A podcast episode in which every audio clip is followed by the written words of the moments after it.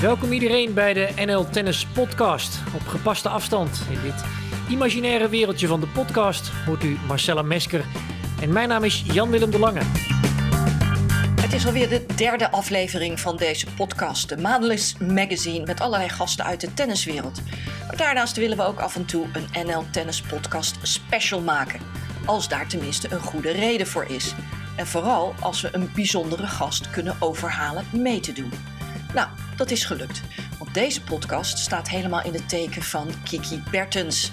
Ze blikt terug op haar succes op Roland Garros in 2016. Hoe voelde het om ineens herkend te worden op straat? En ze vertelt over het grote geheim dat ze tijdens het toernooi voor de buitenwereld met zich meedroeg. En dat haar misschien wel die extra grote vleugels gaf.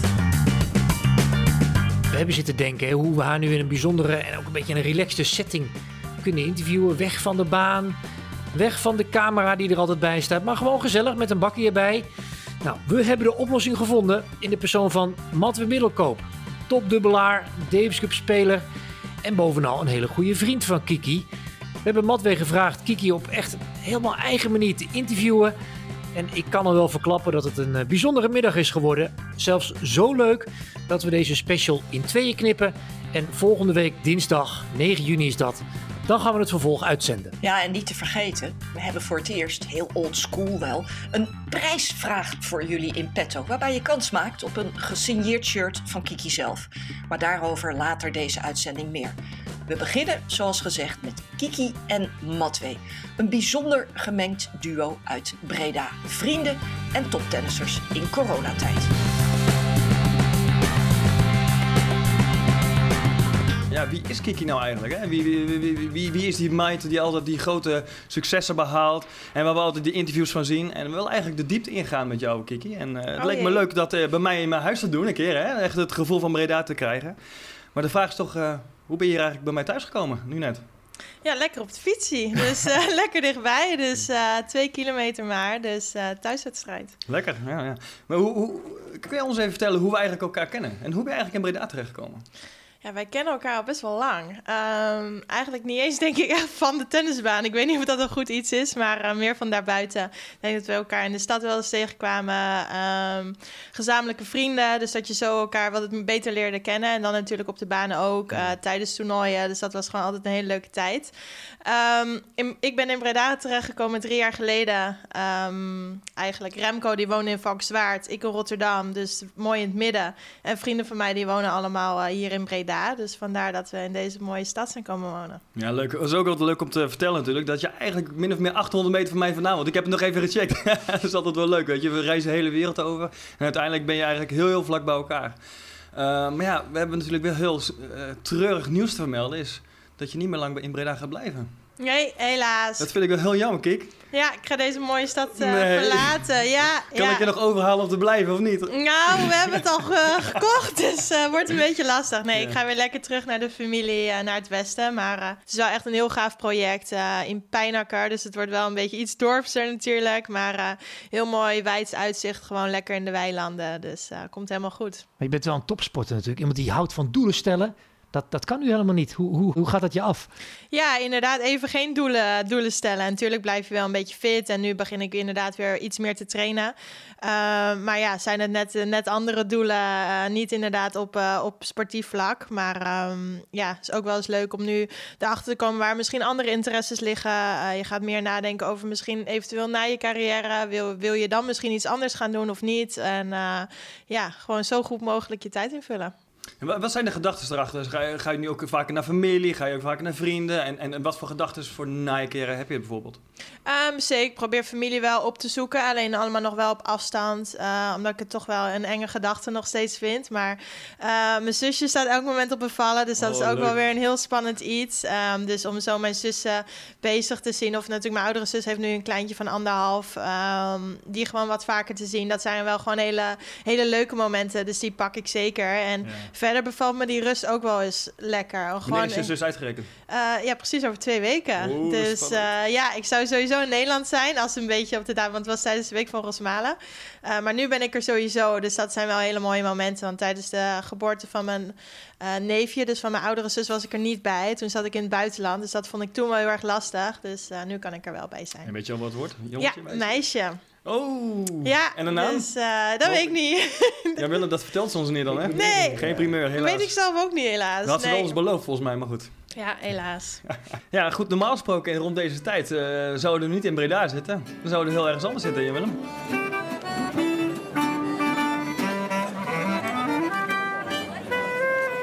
Ja, we, we hoorden hier eh, muziek van een, van een trio eh, muzikanten. Ik heb dat opgenomen op het park van, van Roland Garros vorig jaar.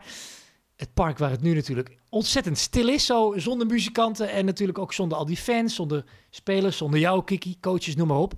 Ehm, ja, en, en dat rijst meteen de vraag op. Is het überhaupt voor jou een enorm gemis, geen Parijs nu? Of zeg jij, nou, maar ik speel toch veel liever Cincinnati, ik noem maar iets. Nee, Parijs is zeker een gemis. Is toch ehm, wel een van de leukste toernooien voor mij om te spelen. Ik heb er natuurlijk mijn beste resultaten behaald. Ehm, gravel is gewoon de fijnste ondergrond voor mij om te spelen. Ehm, altijd veel steun op de tribunes. Eh, heel veel Nederlanders die altijd komen kijken. Dus eh, nee, ik mis dat zeker wel, dat sfeertje, ja. Is, is, is, is Parijs ook een van jouw favoriete Grand Slams? Of wat is je eigenlijk jouw favoriete Grand Slam? Ik vind dat lastig. Ik vind dat elk Grand Slam altijd wel iets heeft. Op zich voel ik me in Melbourne altijd het lekkerst. Ehm, ik denk dat het wel een combinatie van dingen is. Het is begin van het jaar, dus je bent nog helemaal fris. Je hebt er helemaal zin in. Het land, de mensen, het weer. Eigenlijk alles is gewoon perfect daar. Ehm, maar als ik dan kijk inderdaad, qua, ondergrond is dat, toch wel, is dat toch wel Parijs. Omdat ik gewoon op gravel voor mijn gevoel met lekkers voel eigenlijk. Waar ik eh, mijn spel het best tot uiting komt. Dus... ehm, denk qua inderdaad, qua, qua doelstellingen Parijs, maar qua sfeer eh, eh, Melbourne. Ah, dan ga ik je toch een dilemma geven. Stel je mag één toernooi uitkiezen dit jaar dat toch gehouden gaat worden. Zal dat Parijs zijn of wat zou het worden? Nee, Madrid. Madrid, ja, ja, tuurlijk. Stomme vraag natuurlijk. En jij, en jij Matwee? Ja, wat, wat Kiek zegt, je heeft wel gelijk. Ik hou wel erg van Australian Open. Eh, Je bent, je bent nog fris, eh, je kijkt er naar uit om de eerste grote toernooi te spelen, de grote resultaat neer te zetten. Je gaat altijd met hele gro- grote gevoelens erheen. Nou, ik doe het nooit goed in Melbourne. Ik weet niet hoe het bij jou zit, maar... Dit jaar voor het eerst oké, dus ja, eh, daarvoor nooit. Ehm, Eh, maar goed, de sfeer. eh, Er zijn heel veel mensen, heel veel backpackers. Er is een enorme support altijd van de Nederlandse kant daar. En, eh, ja, maar je moet er wel tegen kunnen. Het is ontzettend heet. De ballen vliegen enorm. Ik weet niet hoe jij dat eh, even eh, ervaart. ja, het kan ook elke dag zo anders zijn. Ja, het kan één dag anders. 40 graden zijn en de volgende dag weer 20 graden. Dus Ja. het is heel erg, eh, heel erg aanpassen. Maar wat voor mij het belangrijkste is bij een Grand Slam is dat er gewoon heel veel ruimte is. En als je naar Parijs gaat, vooral het eten, het is heel, heel gesloten. Het zijn heel veel mensen op elkaar. Eh, en Melbourne is dat totaal niet. Het is wide open spaces. Iedereen kan zijn ding doen en je zit niet op elkaars lip. En uh, dus vandaar wel een van mijn favoriete toernooien. Ja, je hebt het over eh, Parijs gehad als, als ja, toch het uh, toernooi waar je je natuurlijk ook goed voelt. Wat is je favoriete herinnering aan Roland Garros? Um, nou, dat zijn wel twee herinneringen. Ik ben eigenlijk als uh, jong meisje gingen wij daar vaak, toen met Martin, mijn oude trainer, gingen we daarheen met de, met de tennisclub.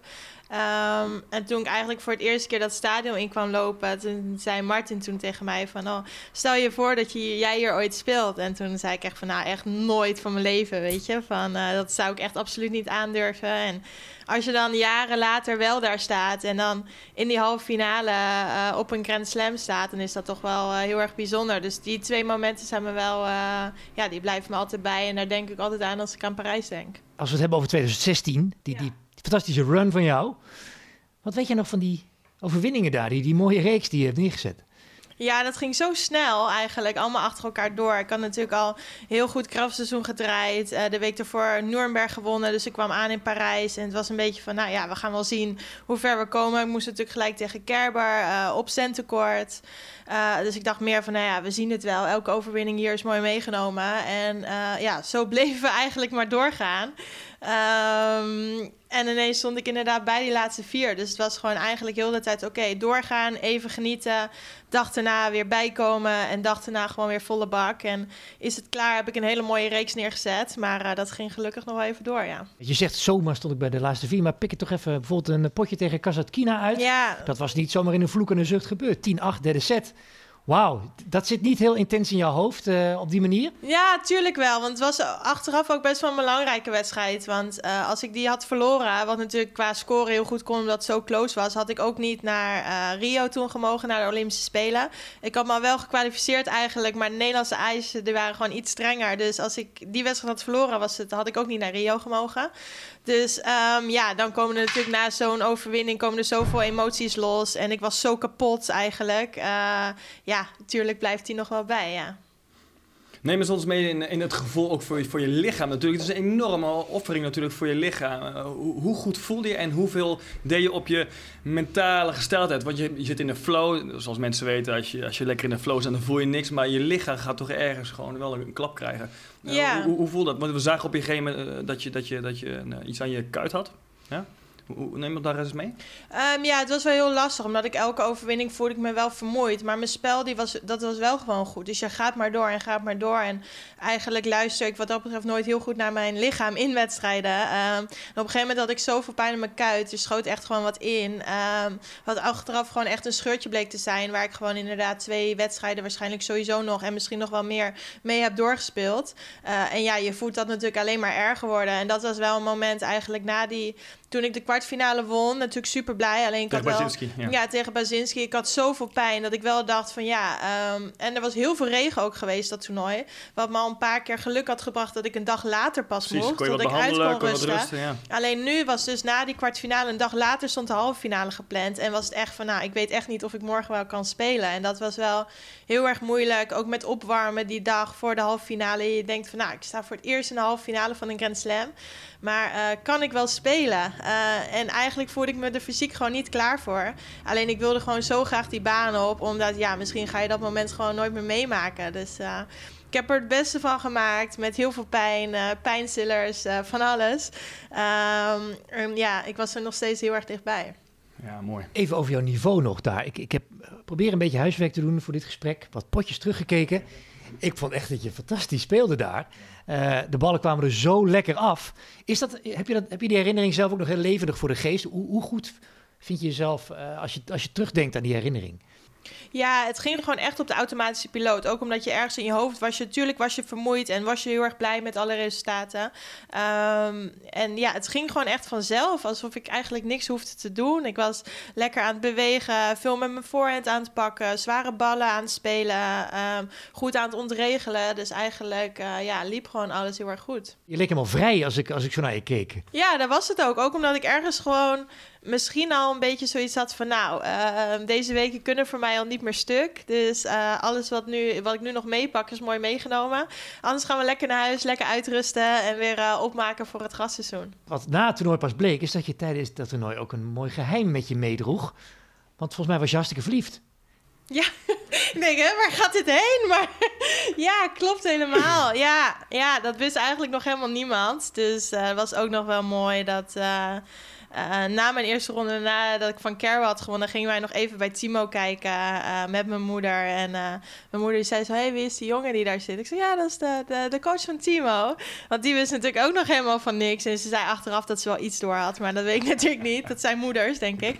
Maar ja, toen was ik al wel inderdaad samen met Rem, maar niemand, niemand die wist dat nog. Een mooi moment is dat je op een gegeven moment terugkwam naar Nederland. En uiteindelijk kreeg ik een telefoontje van... Mat, kom je lekker naar de Gauchos? Ja, Kun je dat nog herinneren? Zeker, hebben we even goed, uh, goed en gevierd toen daar. hebben we, ja, toen, ver na de sluitingstijd, de dag ver na, erna, ja, precies. Ja. Dus ver na de sluitingstijd hebben we nog uh, veel gegeten, maar vooral veel gedronken. Met, hoeveel mensen waren we dat toen? Ja, ik denk met een stuk of acht of zo, ja, zes, acht mensen. Echt ja, en zijn we nog daarna de, de, de stad in ja, gegaan. Ja, ja. Maar ja, met Kiki op stap gaan is wel lastig, want in één keer werd ze heel veel herkend. Dus uh, in één keer kreeg een hele andere vibe. Ja.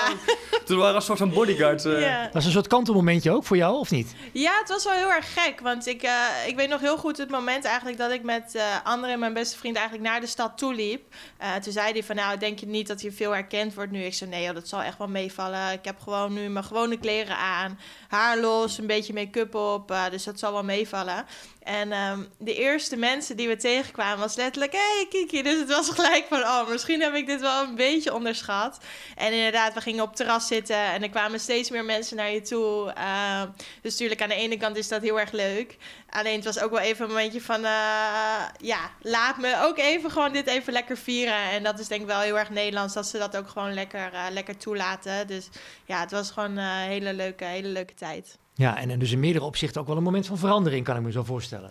Ja, het was zeker wel een verandering. Want vanaf dat moment werd ik gewoon veel meer herkend. Um, veel meer mensen die je aanspreken. Positief, maar natuurlijk ook wel wat negatieve dingetjes. Uh, maar ja, dat hoort er gewoon eenmaal allemaal bij. En daar leer je ook weer mee omgaan. Um, achteraf denk ik misschien dat dat succes natuurlijk misschien iets te vroeg was gekomen. Omdat ik er nog niet helemaal klaar voor was voor al die reacties. Um, maar daar leer je alleen maar van en dat heb ik meegenomen naar de jaren daarna. En tot hoever heeft de social media hier ook uh, meegewerkt aan het succes, zeg maar, dat, dat, dat mensen jou feliciteren, maar dat je er ook heel veel mee bezig was. Maar ook het negatieve natuurlijk was er ook aangegeven. Hoeveel heeft het jou ook geraakt daarin? Nou, best wel veel. Ik was natuurlijk, toen was ik nog heel veel met mijn telefoon bezig, ook qua berichtjes. Um, uh, WhatsApp, al die dingen. Ik had volgens mij inderdaad toen ik na die uh, vierde ronde had ik iets van 200 WhatsAppjes. Nou, na die halve finale nog meer. Um, en toen had ik wel zoiets van: oké, okay, ik leg mijn telefoon nu weg. Dus die opende ik inderdaad pas na, na drie dagen. En toen had ik volgens mij iets van 800 berichten nog die ik dan allemaal doorheen moet en allemaal antwoorden. En uh, ja, social media was natuurlijk helemaal hetzelfde. Qua media aanvragen, allemaal. Dus er kwam zoveel op mij af dat ik echt zoiets had van: oké, dit wil ik allemaal doen, leuk, leuk. Maar dat kan gewoon niet. En daar heb ik wel heel erg van geleerd. Dat ik, het duurde wel even een paar jaar, maar nu heb ik dus bijvoorbeeld geen WhatsApp meer. Um, tijdens toernooien sluit ik me zoveel mogelijk af van social media. Dus dan doet iemand anders dat voor mij. En. Um, ja, daar leer je gewoon heel erg mee omgaan. In het begin wil je iedereen antwoorden en uh, alles zelf doen en alle leuke dingen lezen. Uh, maar dat is gewoon echt niet te doen.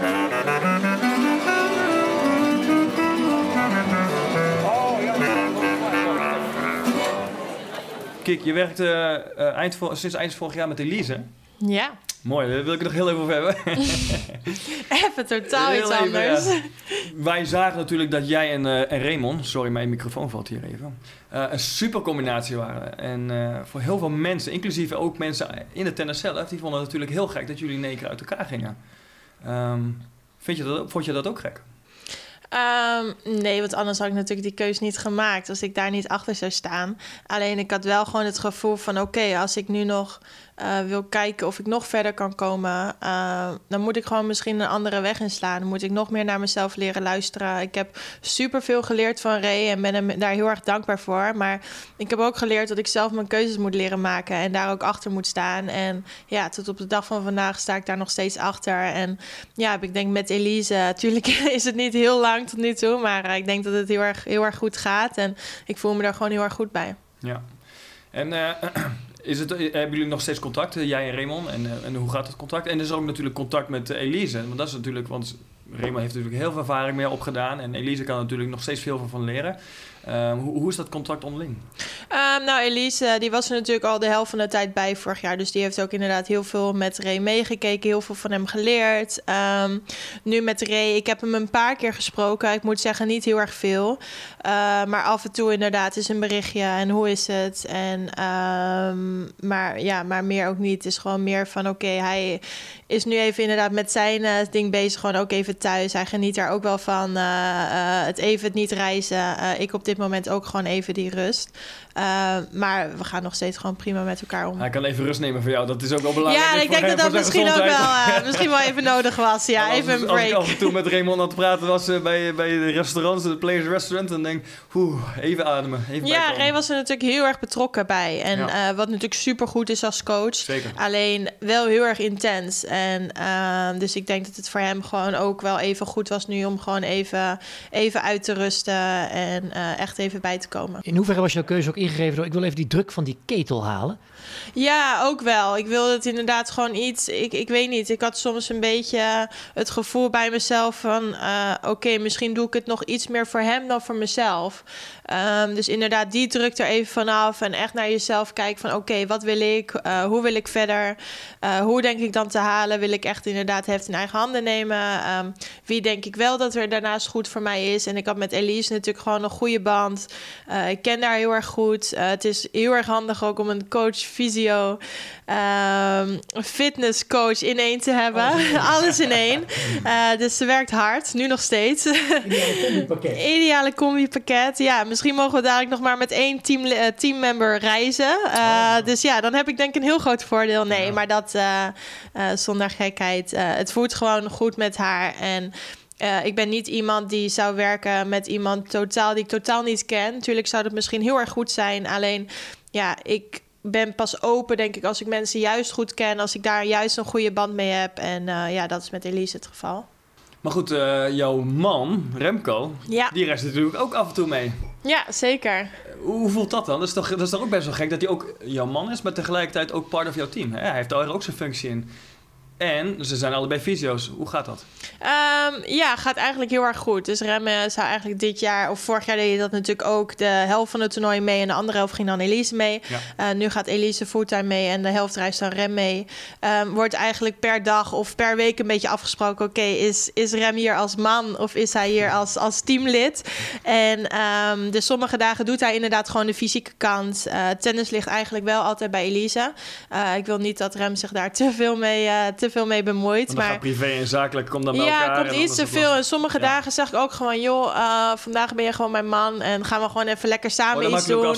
Ja, en dan oh, zeggen we het gewoon even van... joh... Uh, de mannenpet gaat op. Ja, en dan is het gewoon... tuurlijk is het dan van... Uh, als je wat lekkers eet... tuurlijk zegt hij dan wel van... nou, zou je dit wel doen of niet? En dan is het van... nou, oké, okay, doen we even. En daar zet hij zich dan ook weer makkelijk overheen. Maar ik denk dat we juist heel erg goed die balans hebben gevonden. Uh, ja, anders gaat het natuurlijk ook niet. En dan moeten we andere keuzes gaan maken... als, de, als dat niet het geval is. Maar uh, ja, het werkt eigenlijk heel erg goed.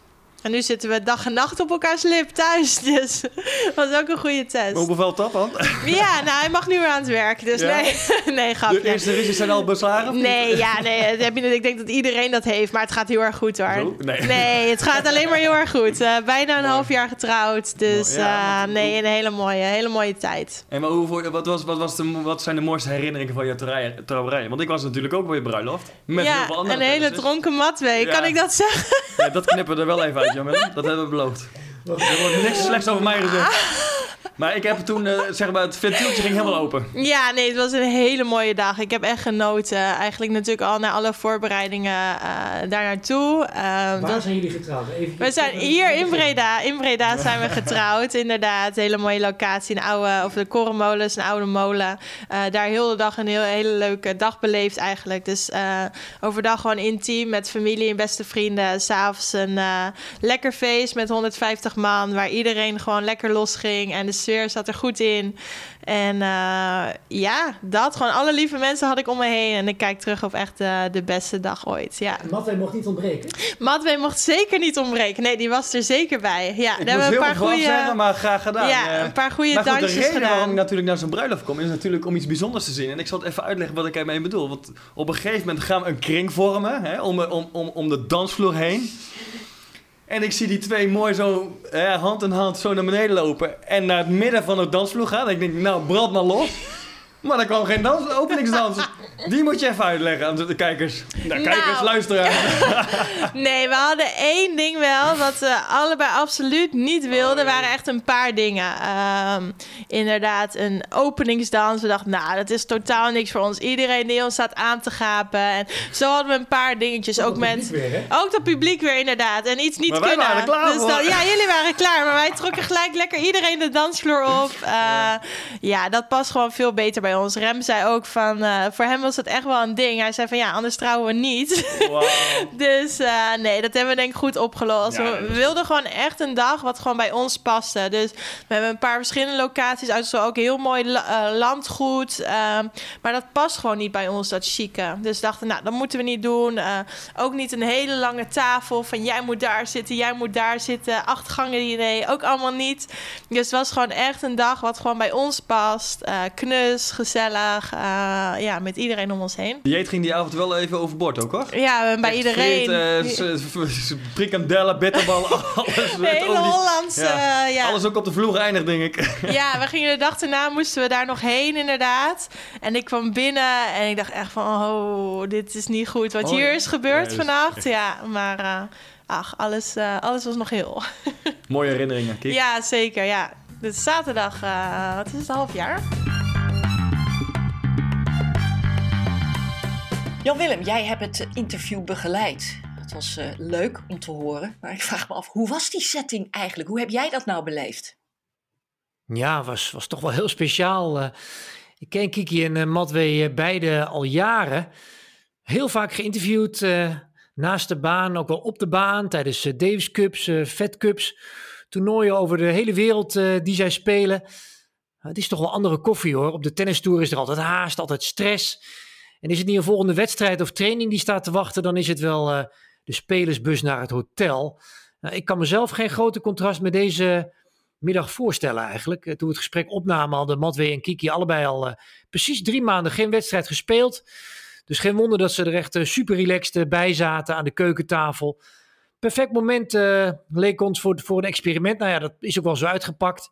Ik vond het heel bijzonder om eens met uh, Matwee te dubbelen. Dat was ook wel een bijzondere gelegenheid. Echt een buitenkansje. Zeker. En uh, ja, Jan-Willem, we waren er toen allebei bij in 2016 in Parijs. Maar ja, toch weer heel erg leuk om het op deze manier nog weer eens terug te horen. Ja. Want dit eerste deel, ja, dat ging natuurlijk over Kiki's grote succes daar. Maar in deel 2 maakt ze meer de balans op over haar carrière tot nu toe. Ze vertelt dan bijvoorbeeld over haar eerste toernooizegen en hoe ze haar spel nog wil verbeteren. Openhartig is ze over haar persoonlijke groei. En ze heeft zelfs tips voor de jeugd. Heb ik trouwens nog niet zo vaak bij haar gehoord. En ze verklapt ook nog een grappig geheim van de nummer 1, Ashley Barty. Een van de speelsters met wie ze in deze periode nog steeds contact heeft. Volgende week dinsdag 9 juni zetten we deel 2 van deze special online. Het wordt dus uh, vervolgd. Ja, en als jullie deze podcast nou leuk vinden, abonneer je dan uh, gratis op Spotify of iTunes. Heel simpel trouwens. Gewoon op abonneren of subscribe klikken, zodat je automatisch een uh, seintje krijgt als de volgende aflevering online staat. En ja, we vinden het ook heel fijn als je suggesties hebt voor de NL Tennis Podcast. We zijn nog volop in ontwikkeling. Staat echt nog in de kinderschoenen dit allemaal. Maar we willen de luisteraars er graag bij betrekken. Dus wat bevalt jullie, wat niet en ook waar ligt jullie interesse? Dat horen we graag. Misschien hebben jullie zelfs wel een suggestie voor een gast. Nou goed, wij zijn heel benieuwd en willen er ook zeker iets mee gaan doen. Ja, en zoals beloofd voor het eerst ook een prijsvraag in onze show. Waarbij je een gesigneerd shirt van Kiki kunt winnen. Nou, hier komt hij. De vraag is: met welke bespanning speel ik? En hoe hard laat ik deze bespannen? Dus op hoeveel kilo? Weet jij het antwoord? Dan ga jij naar huis met dit mooie shirt. Oei, het zal mij benieuwen wie dat weet. Heb je enig idee of wil je een gokje wagen? Mail je antwoord naar nltennispodcast.gmail.com. En de winnaar, die maken we in de volgende uitzending bekend. Tot volgende week. Dag.